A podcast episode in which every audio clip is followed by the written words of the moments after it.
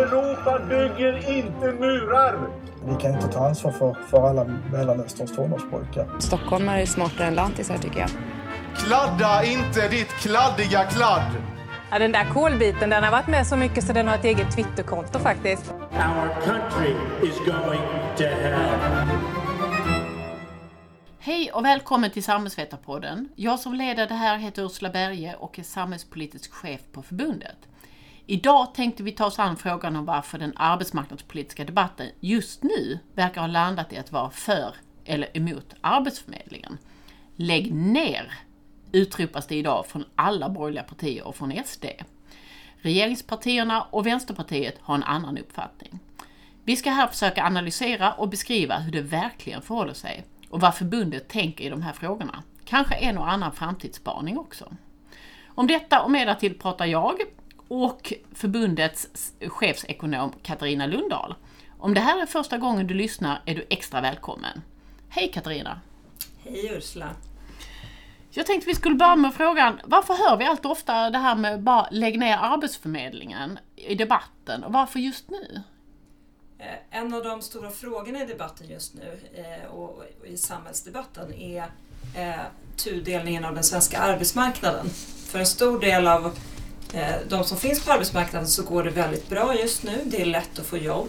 Arbetslösheten är väldigt låg. Men sen har vi en grupp personer, många som är nyanlända, med låg utbildningsnivå eh, som har väldigt svårt att få jobb. Och eh, då upplever politikerna i alla fall i sken av att det här är lite Arbetsförmedlingens fel, att det har blivit så här. Eh, och att Arbetsförmedlingen har misslyckats eftersom det här problemet eh, är stort. Och en del av problemet till exempel det är att det tar väldigt lång tid för en nyanländ att komma i arbete och en siffra som ofta nämns är ju den att efter sju år så är det bara 50 procent som har ett jobb. Eh, och numera så är det Arbetsförmedlingen som också är ansvariga för nyanlända i det så kallade etableringsprogrammet. Så det är väl några av förklaringarna. Tror du att det beror mer på, på missmatchningen eller mer på att det är så många nyanlända som har kommit och som befinner sig i etableringsuppdraget? Jag tror att eh, den stora invandringen har ju ställt eh, frågan på sin spets och eh, vi har, Sverige har ju en arbetsmarknad med rätt få enkla jobb och hela den diskussionen finns ju också väldigt mycket. Så att eh, den, eh, det är ju en debatt men den andra är liksom hur vi i samhället kan hjälpa de här personerna att komma in. Och där man uppfattar att Arbetsförmedlingen gör fel saker. Så att jag tror att det är någon stark förklaringsfaktor. Vad säger du då Ursula som har lite koll på på regeringen och vad de tycker i den här frågan. Eh, och kanske också på hur vi hamnade här. Hur, hur ser du, vad ser du för orsaker till att eh, Arbetsförmedlingen är så i skottgluggen just nu? Mm. Jag tror en viktig anledning, jag tror du har rätt om det här med både om tudelningen och eh, att eh, man inte riktigt vet hur man ska hantera den här matchningen på ett bättre sätt. Jag tror att en viktig eh, förklaring är att eh, Arbetsförmedlingen har så oändligt stort uppdrag och det har vuxit så väldigt mycket. Etableringsuppdraget kom till och vi ska inte glömma den, den eh, ehm, reform vad det gäller sjukskrivna som ledde till att väldigt många sjukskrivna kom in i arbetsförmedlingsförsorg, liksom när de, en del var fortfarande väldigt sjuka. Vilket gör att eh, det finns en eh, allmän känsla av att det här är en koloss på lerfötter som på något sätt är ett hopplöst uppdrag att reformera inifrån eller från politikens sida och att då är det lättare att säga bara lägg ner för att det är eh, begripligare och då kan man slipper man bygga på, på strukturer man tror är, är omöjliga att reformera och kan börja om från början lite. Och att det är någonstans i den insikten att den här jättekolossen inte går att reformera på något annat sätt som man tar till så här rätt så drastiska förslag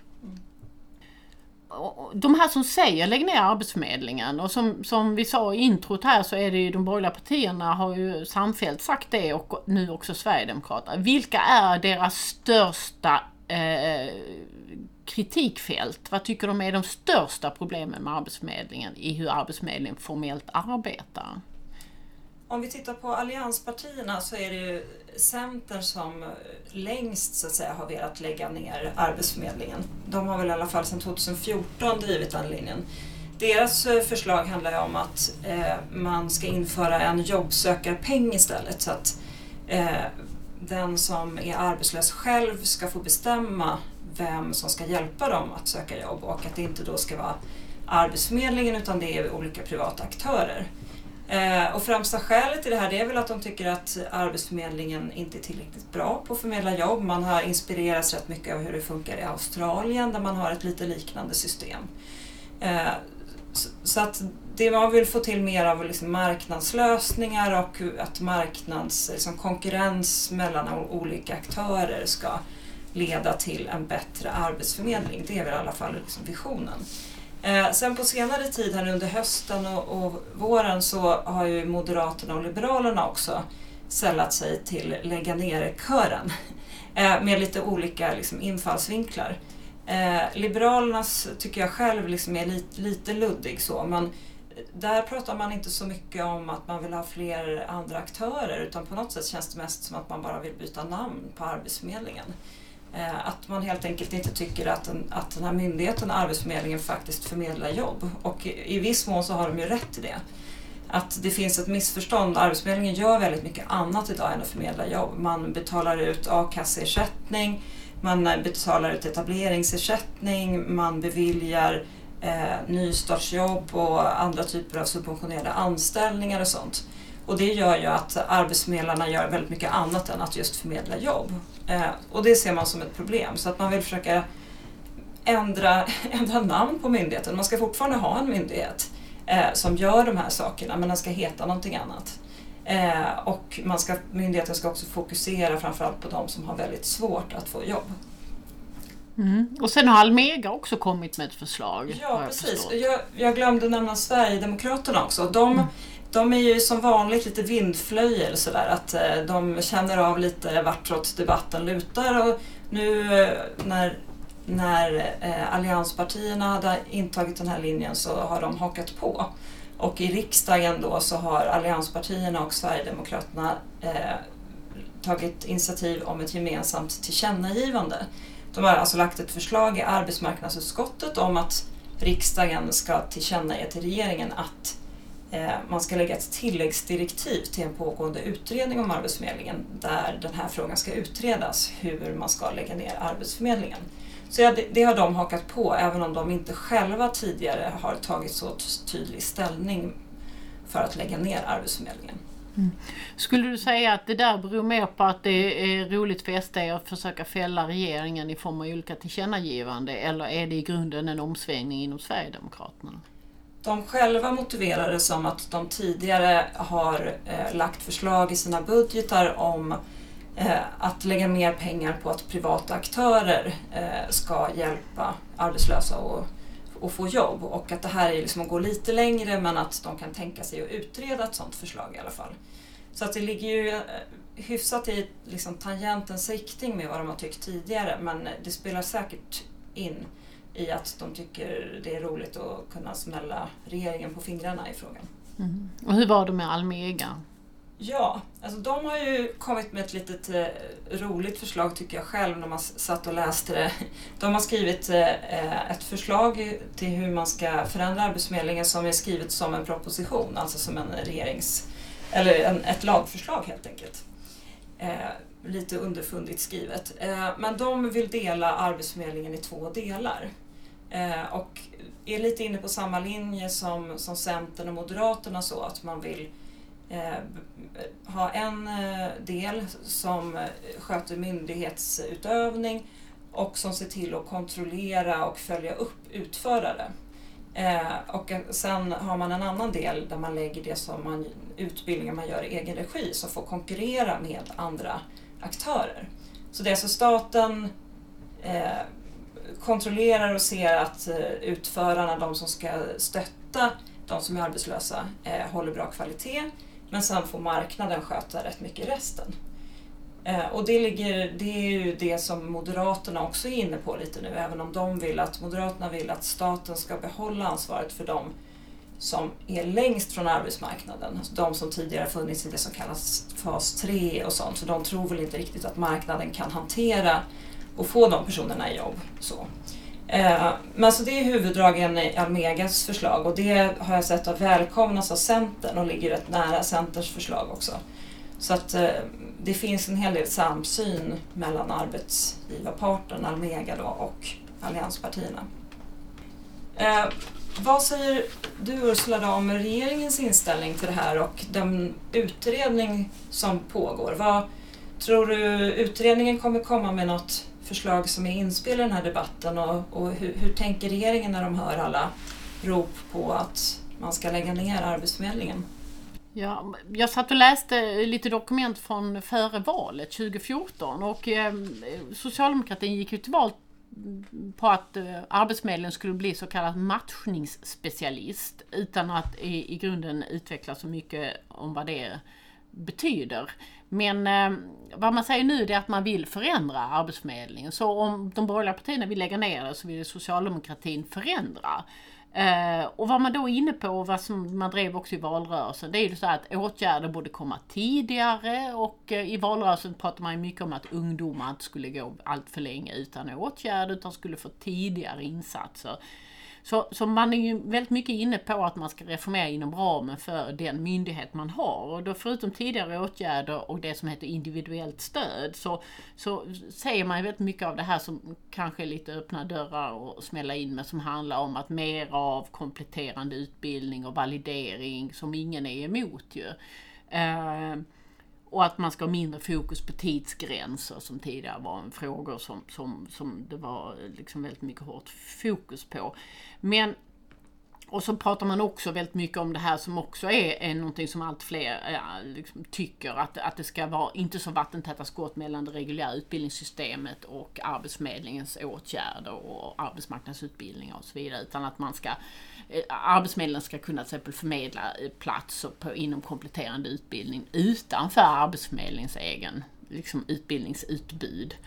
Så att eh, det är väldigt mycket, man tycker ju i grunden att, att eh, Arbetsförmedlingen eh, ja, ska vara kvar i, som en myndighet med, med, men att den måste bli effektivare och träffsäkrare och bättre på att matcha och det är huvudspåren. Så att det är ju en, en ganska försiktig reformism kan man ju beskriva det som. Eh, och Vänsterpartiet ligger ganska nära, Miljöpartiet ligger väldigt nära detta också. De, de, de, torgför inte de här frågorna sådär speciellt tydligt. Så regeringspartierna ligger un, ungefär där. Vänsterpartiet är ju mer eh, mot att man ska eh, ha mer arbetsmarknadsutbildning, större frihet för, för Arbetsförmedlingen att utforma sina egna åtgärder, mer av eh, professionalis bejaka professionalisering inom Arbetsförmedlingen och att de som jobbar där ska kunna liksom erbjuda åtgärder på ett friare sätt än idag. Um, så, ja, klassiska saker, minskad byråkrati och, och handläggare med specialistkunskaper. Så att, uh, men Vänsterpartiet har inte varit så, så extremt tydliga i de här frågorna hittills. Men uh, parallellt uh, alltså det som är det speciella just nu det är att det finns ju minst minst tre olika processer på gång samtidigt i de här frågorna. Det ena är den statliga utredningen som rullar på. Och de kommer inte att frångå sitt direktiv. Och deras delbetänkande som ska komma i oktober handlar om helt andra saker än Arbetsförmedlingens stora uppdrag. Och de har inte fått ett uppdrag att, att äh, äh, ta tag i den stora frågan, ska Arbetsförmedlingen finnas eller inte? Utan de pratar om vägledarrollen, relationen mellan stat och kommun och Arbetsförmedlingen eh, och saker och ting som handlar om externa leverantörer och så vidare. Så att deras dagordning ser helt annorlunda ut än den politiska debatten. Och sen parallellt med detta har ju Mikael Sjöberg som är generaldirektör igångsatt ett stort förändringsarbete som han kallar Förändringsresan. Där i stort sett hela Arbetsförmedlingens interna organisation görs om på alla möjliga olika sätt. Så alla de här sakerna händer samtidigt som riksdagen gör ett tillkännagivande och samtidigt som, som eh, de internt på arbetsmarknadsdepartementet fungerar på olika liksom, andra liksom, reformer man skulle kunna eh, tvinga fram genom politiska beslut på Arbetsförmedlingen i form av regleringsbrev och på annat sätt redan innan utredningen är färdig. En eh, kritik som har funnits är att Arbetsförmedlingen är ineffektiv, att den kostar väldigt mycket pengar och att man inte får tillräckligt mycket ut av det. Eh, och vad jag förstår så ligger anslagen på 80 miljarder och det låter ju som väldigt mycket pengar. Eh, kan du säga någonting om det? Vad används de här pengarna till och används de till det som folk tror att de används till och används de effektivt? Ja, den sista frågan kan ju vara svår att svara på men om man tar de andra frågorna. Det 80 miljarder kronor är de pengarna som kommer. Jag satt och läste budgetproppen nu här i, igen och, och 80 miljarder kronor går till Arbetsförmedlingen. Eh, och då är det ju så att 33 av de miljarderna, alltså 41 procent, går bara till olika individersättningar i form av a-kassa och i form av etableringsersättning och i form av aktivitetsstöd. Alltså det är pengar rakt in i fickan till en arbetslös person. Så det är ju ingenting som, alltså om man inte tycker att arbetslösa inte ska ha pengar, så, så är det ju pengar som inte Arbetsförmedlingen i, i speciellt stort utsträckning kan påverka, för det är politiska beslut någon annanstans. Eh, och sedan är det ungefär eh, 30% som går till subventionerade anställningar på olika sätt. Det är lönebidrag och det är Samhall och det är det som kallas yrkesintroduktionsanställningar och nystartsjobb. Det vill säga där man på olika sätt eh, med stöd till arbetsgivarna sänker lönekostnaden för arbetsgivaren som tar emot en person som har svårt att få ett jobb utan subventionering på svensk arbetsmarknad. Så där försvinner ju sju tiondelar drygt av alla pengar som Arbetsförmedlingen har. Eh, och sen resterande går ju till olika typer av aktiviteter och åtgärder som, som ja, men vi, vi känner namnet på. Eh, allt från instegsjobb till liksom, allt möjligt som stöd till näringsverksamhet och så vidare. Det är ju en del som Arbetsförmedlingen mer precis kan påverka. Eh, förutom det som kallas deras övergripande förvaltningsanslag som är klumpsumman som kommer för att myndigheten ska kunna finansiera sin egen verksamhet. Så att när man funderar på de här 80 miljarderna så ska man nog liksom, ja, om man tycker att liksom, människor ska ha ersättning när de är arbetslösa, och om man tycker att eh, eh, vi ska ha olika typer av subventionerade anställningar som är pengar som går rakt ut till arbetsgivaren då, då, då, ska man fundera på liksom, att det är de här 30 procenten som är kvar som är det intressanta att diskutera när man diskuterar Arbetsförmedlingens effektivitet. Um, så, så, ehm, och vad det gäller vad, vad, och hur effektiva de är. Och det är ju jättesvårt att bedöma. För precis som du inledde med att säga, alltså effektivitet kan man ju mäta på alla möjliga olika sätt och ett är ju hur snabbt man kommer i arbete. Och det är klart, har du en väldigt svår målgrupp i bemärkelsen att en väldigt stor andel av de som, som befinner sig på Arbetsförmedlingen har långt till sitt första arbete för att de är funktionsnedsatta, nyanlända, eh, att de är över 45, 55 eh, år och så vidare och väldigt lågutbildade, vilket är de kategorier som används för att definiera det som de kallar utsatt grupp.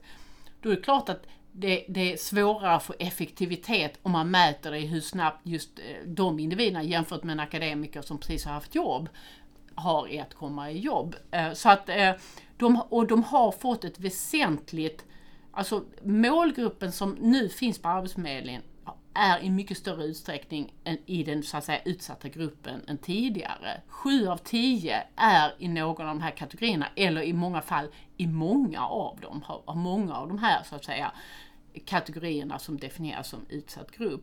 Så att som sagt, de, de, blir lite, de har en svår grupp att jobba med vilket gör att det är svårt att jämföra med andra. Mm. Det där sista tycker jag är intressant med vilken grupp det är som finns på Arbetsförmedlingen. För jag, ibland så tycker jag att det är lite det som debatten snurrar kring. En del tycker ju att eh, eh, företagen måste få bättre hjälp av Arbetsförmedlingen. Eh, och då har regeringen vad jag förstår också försökt att se till att även personer eh, som har lite lättare att få jobb också ska kunna komma till Arbetsförmedlingen för att arbetsförmedlarna ska ha sådana kontakter att förmedla till företagen. Då blir man ju mer, liksom, då kan man ge företagen en bättre service. Eh, men då kommer ju andra partier som till exempel Liberalerna och säger att nej men vi ska ju bara hjälpa de som står långt från arbetsmarknaden. Men samtidigt kritiserar de också att de inte ger företagen bra hjälp. Men mm. företagen är inte alltid intresserade av den här gruppen som just nu Arbetsförmedlingen har att hantera. Eh, och så där finns ju en man måste kanske bestämma sig lite för vad det är Arbetsförmedlingen ska göra och eh, ha liksom rätt förväntningar på Arbetsförmedlingen tänker jag är en del av problemet. Förväntar man sig att Arbetsförmedlingen ska hjälpa företagen och hjälpa alla att få jobb, då stämmer inte den bilden med hur det ser ut idag. Jag vet inte vad du säger om det. Nej men det är precis som du skriver, alltså, det finns ju många andra som säger att att det, det, vi får aldrig någon hjälp av Arbetsförmedlingen och då är det väldigt mycket eh, akademiker som plötsligt blir arbetslösa som står väldigt nära nästa jobb. Eh, som säger att ah, men vi får ingen hjälp alls och samtidigt kommer den politiska kritiken att ni hjälper för mycket de som står nära, vi, ni borde hjälpa de som står långt ifrån. Arbetsförmedlingens egen bild är att de prioriterar väldigt mycket de personer som står långt ifrån arbetsmarknaden. Och det här är ju så här, men eh, olika bilder av, av eh, liksom verkligheten som uppenbarligen är helt diametrala mot varandra. Eh, så, så, att det är eh, men jag, jag, jag tror att en, eh, du är inne på det här med att, att en, en, person som är så att säga attraktiv på arbetsmarknaden kan dra med sig en person in på en arbetsplats eh, med hjälp av Arbetsförmedlingen om Arbetsförmedlingen kan förmedla både den som står nära nästa jobb och den som står långt ifrån. Eh, och det är ju någonting som, som som jag tror eh, väldigt många arbetsförmedlare vittnar om att så funkar det. Vilket gör att det finns en fördel med en bred arbetsförmedling som har hand om, om så att säga alla, både de som står, står nära och långt ifrån. Ett annat sätt att tänka som jag tycker skulle vara väsentligt att, att öppna upp det är att man Arbetsförmedlingen också jobbar med de personer som faktiskt har jobb. Att man inte bara prioriterar de som är arbetslösa. Det kan låta konstigt men om, om personer som har liksom fel jobb få stöd och hjälp att komma i rätt jobb. Eh, till exempel en, en utlandsutbildad akademiker som, som jobbar med ett jobb man är överkvalificerad för. Som kan få hjälp att börja jobba som samhällsvetare i, i, i nivå med sin utbildning så blir, skapar det ju en vakans som i sin tur kan göra att en person med, med, med lägre utbildningsnivå kan få det jobbet. Så att det kan skapas en jobbväxlingskedja. Men det får man ju absolut inte prioritera inom Arbetsförmedlingen idag, vilket gör att man inte kan stödja sådana här jobbväxlingskedjor heller. Och, och menar de, de eh, de som kritiserar Arbetsförmedlingen att Arbetsförmedlingen aldrig ska jobba med de som står nära arbetsmarknaden så kan man aldrig stödja en sån utveckling och en sån, sån rörelse på arbetsmarknaden. Men jag, om det här med missförstånd, vilka tycker du är de största missförstånden i debatten om Arbetsförmedlingen just nu? Alltså förutom det vi har varit inne på så tycker jag det är intressant att titta på det här med privata aktörer. För att eh, en del av eh, de som vill lägga ner Arbetsförmedlingen vill ju det då för att man ska få in mer privata aktörer. Eh, och en stor del av de ja, kompletterande utbildningar och arbetsmarknadsåtgärder och så som Arbetsförmedlingen kan erbjuda eh, utförs ju redan idag av olika eh, privata aktörer eller i alla fall aktörer som inte är Arbetsförmedlingen själv. Eh, så att privata aktörer finns redan på den här marknaden. Det som är nytt tycker jag i, i de förslag som finns då från allianspartierna framförallt, det är ju ett att aktörerna ska vara mycket färre än vad de är idag. Jag tror att eh, Arbetsförmedlingen upphandlar 700-800 aktörer. Eh, och eh, det tycker jag att det är väl något man kan ha förståelse för att det borde gå att minska ner det.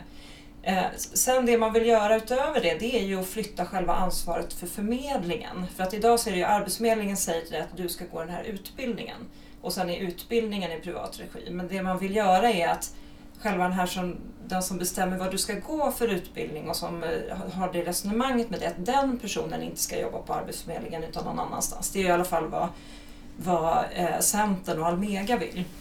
Eh, och, och, det, och, det, och det, kan man ju, det kan man ju ha förståelse för och, och, och diskutera kring. Så, så att jag tycker att de förslagen är i alla fall hyfsat initierade men ibland av andra aktörer kan man ju få bilden av att det inte finns några privata aktörer på den här marknaden och att bara om vi bara privatiserar allting så löser det sig. Eh, och det, så enkelt är det ju inte. Och eh, man provade ju till exempel med det här med etableringslotsar eh, som var någon slags liknande, att en, en person som skulle hjälpa till att guida eh, nyanlända inom det här etableringsuppdraget. Eh, den, det initiativet att ha såna, anlita sådana personer som skulle hjälpa de nyanlända, det funkade inte riktigt. Och jag tror att ska man eh, ge sig in igen, att ge uppdraget att liksom lotsa personer vidare och bestämma vad de ska få för utbildningar till externa aktörer så måste man tänka igenom väldigt noga på hur man utformar systemen. Eh, för där gick man ju riktigt på pumpen, det var mycket osäkra aktör, eh, oseriösa aktörer som inte gjorde ett bra jobb eh, och så vidare. Eh, och vi är ett långt avlångt land och på en del håll finns det inte, kanske inte så många aktörer som vill göra det här jobbet. Eh, och då kan det ju vara bättre att ha en arbetsförmedlare på länk från någon annan storstad som i alla fall liksom är en seriös aktör. Men eh, jag tror att det finns i och för sig viss... Eh, man, man kanske lärde sig något av det här också med etableringslotsarna. Mm.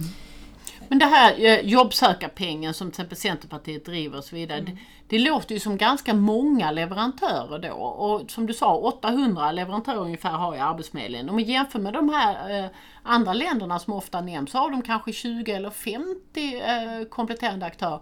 Och ska man göra det inom, alltså det finns ju två sätt att upphandla i det här. Antingen är det LOI, lagen om offentlig upphandling, vilket är super knöligt om man förstår det hela rätt, för att sammanfatta. Eller också är det LOV, alltså lagen om valfrihetssystem. Och lagen om valfrihetssystem bygger på att om du bara uppfyller kriterierna så blir du leverantör och finns med på listan. Då finns det ju ingen bortre gräns för hur många leverantörer man kan tänka sig om man ska gå LOV-vägen. Och jobbsökarpengen låter ju som en LOV-lösning. Hur tänker man där? Alltså jag tror att det det är helt rätt att det är lätt att titta till exempel på den australiensiska modellen där man har få aktörer och tycka att om det där låter ju bra.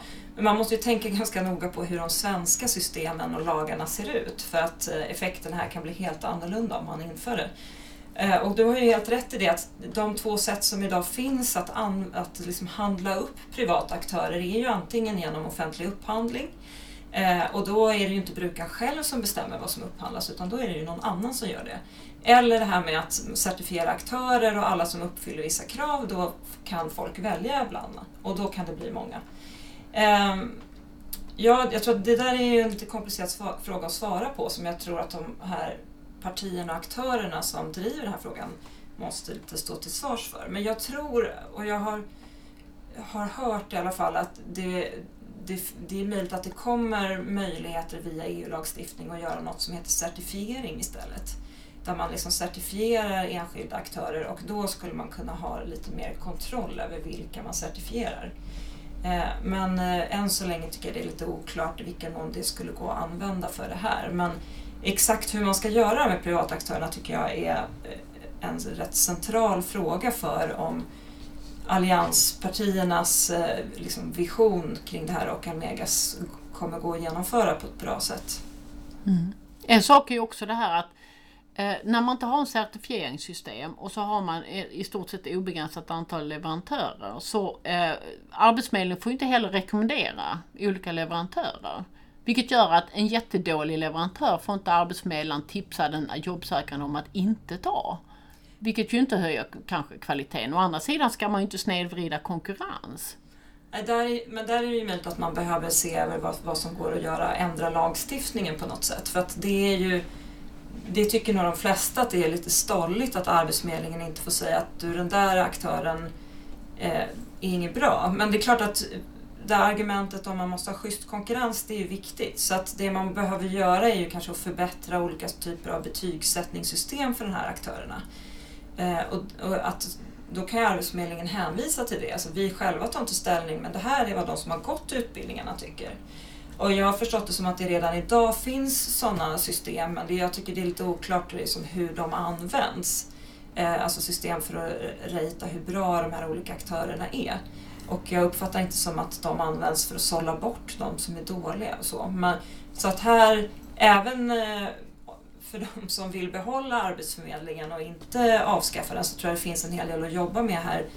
Hur man hanterar alla de här 700-800 privata aktörerna som finns. För att där finns säkert utrymme för förbättring. Dels för att sålla bort aktörer som inte är tillräckligt bra eh, och underlätta för arbetsförmedlare eller e-, enskilda att liksom hamna på rätt ställe och få, få den bästa hjälp man kan få.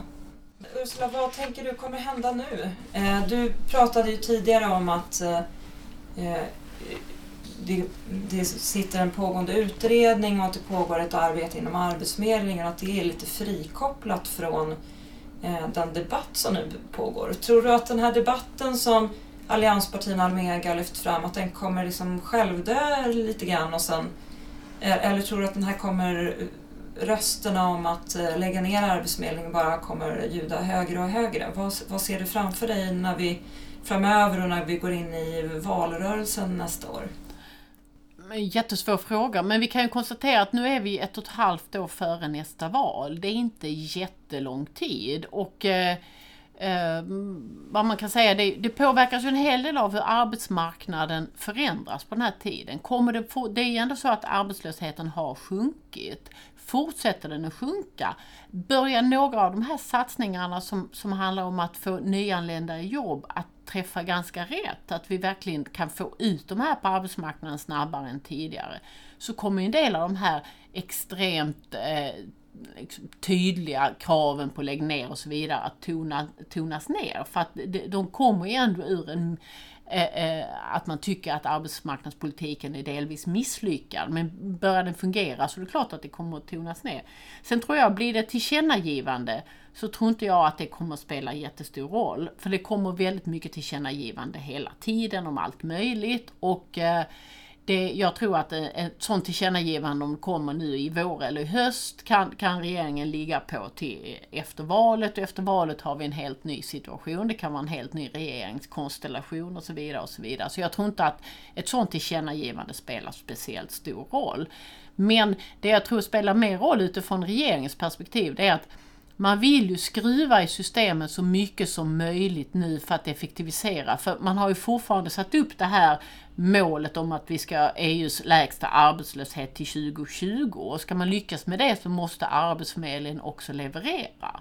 Så att på Arbetsmarknadsdepartementet har man ju hela tiden tankar på hur man ska kunna skruva i ett befintligt system för att få fram olika typer av eh, ja, fler ut på, på arbetsmarknaden. Och ett exempel är ju till exempel vilka det är som skulle kunna komma i fråga för att gå snabbspår. Där det tidigare var sagt att man ska varit i Sverige två år. Där vi nu i förhandlingar får fram att man, direkt, att man kan ha varit här i fem år. För att på så sätt ha en bättre träffbild. Och det är bara ett exempel på en liten del som handlar om snabbspåren. Men jag tror man vill skruva i systemen för att det där vallöftet skulle man ju hemskt gärna vilja uppnå även om många av oss eh, tycker att det både vara dumt formulerat och omöjligt att uppnå. Så vill man ju själv komma så nära det målet som möjligt. Så det tror jag om man ska diskutera vad som kommer i framtiden att man kommer att eh, på olika sätt skruva i de befintliga åtgärdsprogrammen, i Arbetsförmedlingens möjlighet att erbjuda olika typer av åtgärder och, och för att eh, överhuvudtaget effektivisera inom ramen för befintligt system. Men det är ju väldigt svårt att säga vad som, som finns i framtiden. Men eh, för att avrunda, vad tror du finns i framtiden? Jag tror att det är viktigt det du sa med hur det går på, kommer gå på arbetsmarknaden för de som är nyanlända och har kommit hit nu. För det är ändå lite det som har ut, eh, utlöst debatten. Eh, och eh, om den svenska konjunkturen fortsätter att vara stark fram till valet eh, då är ju möjligheterna mycket bättre att alla de här människorna sugs upp och då kanske problemet uppfattas som mindre.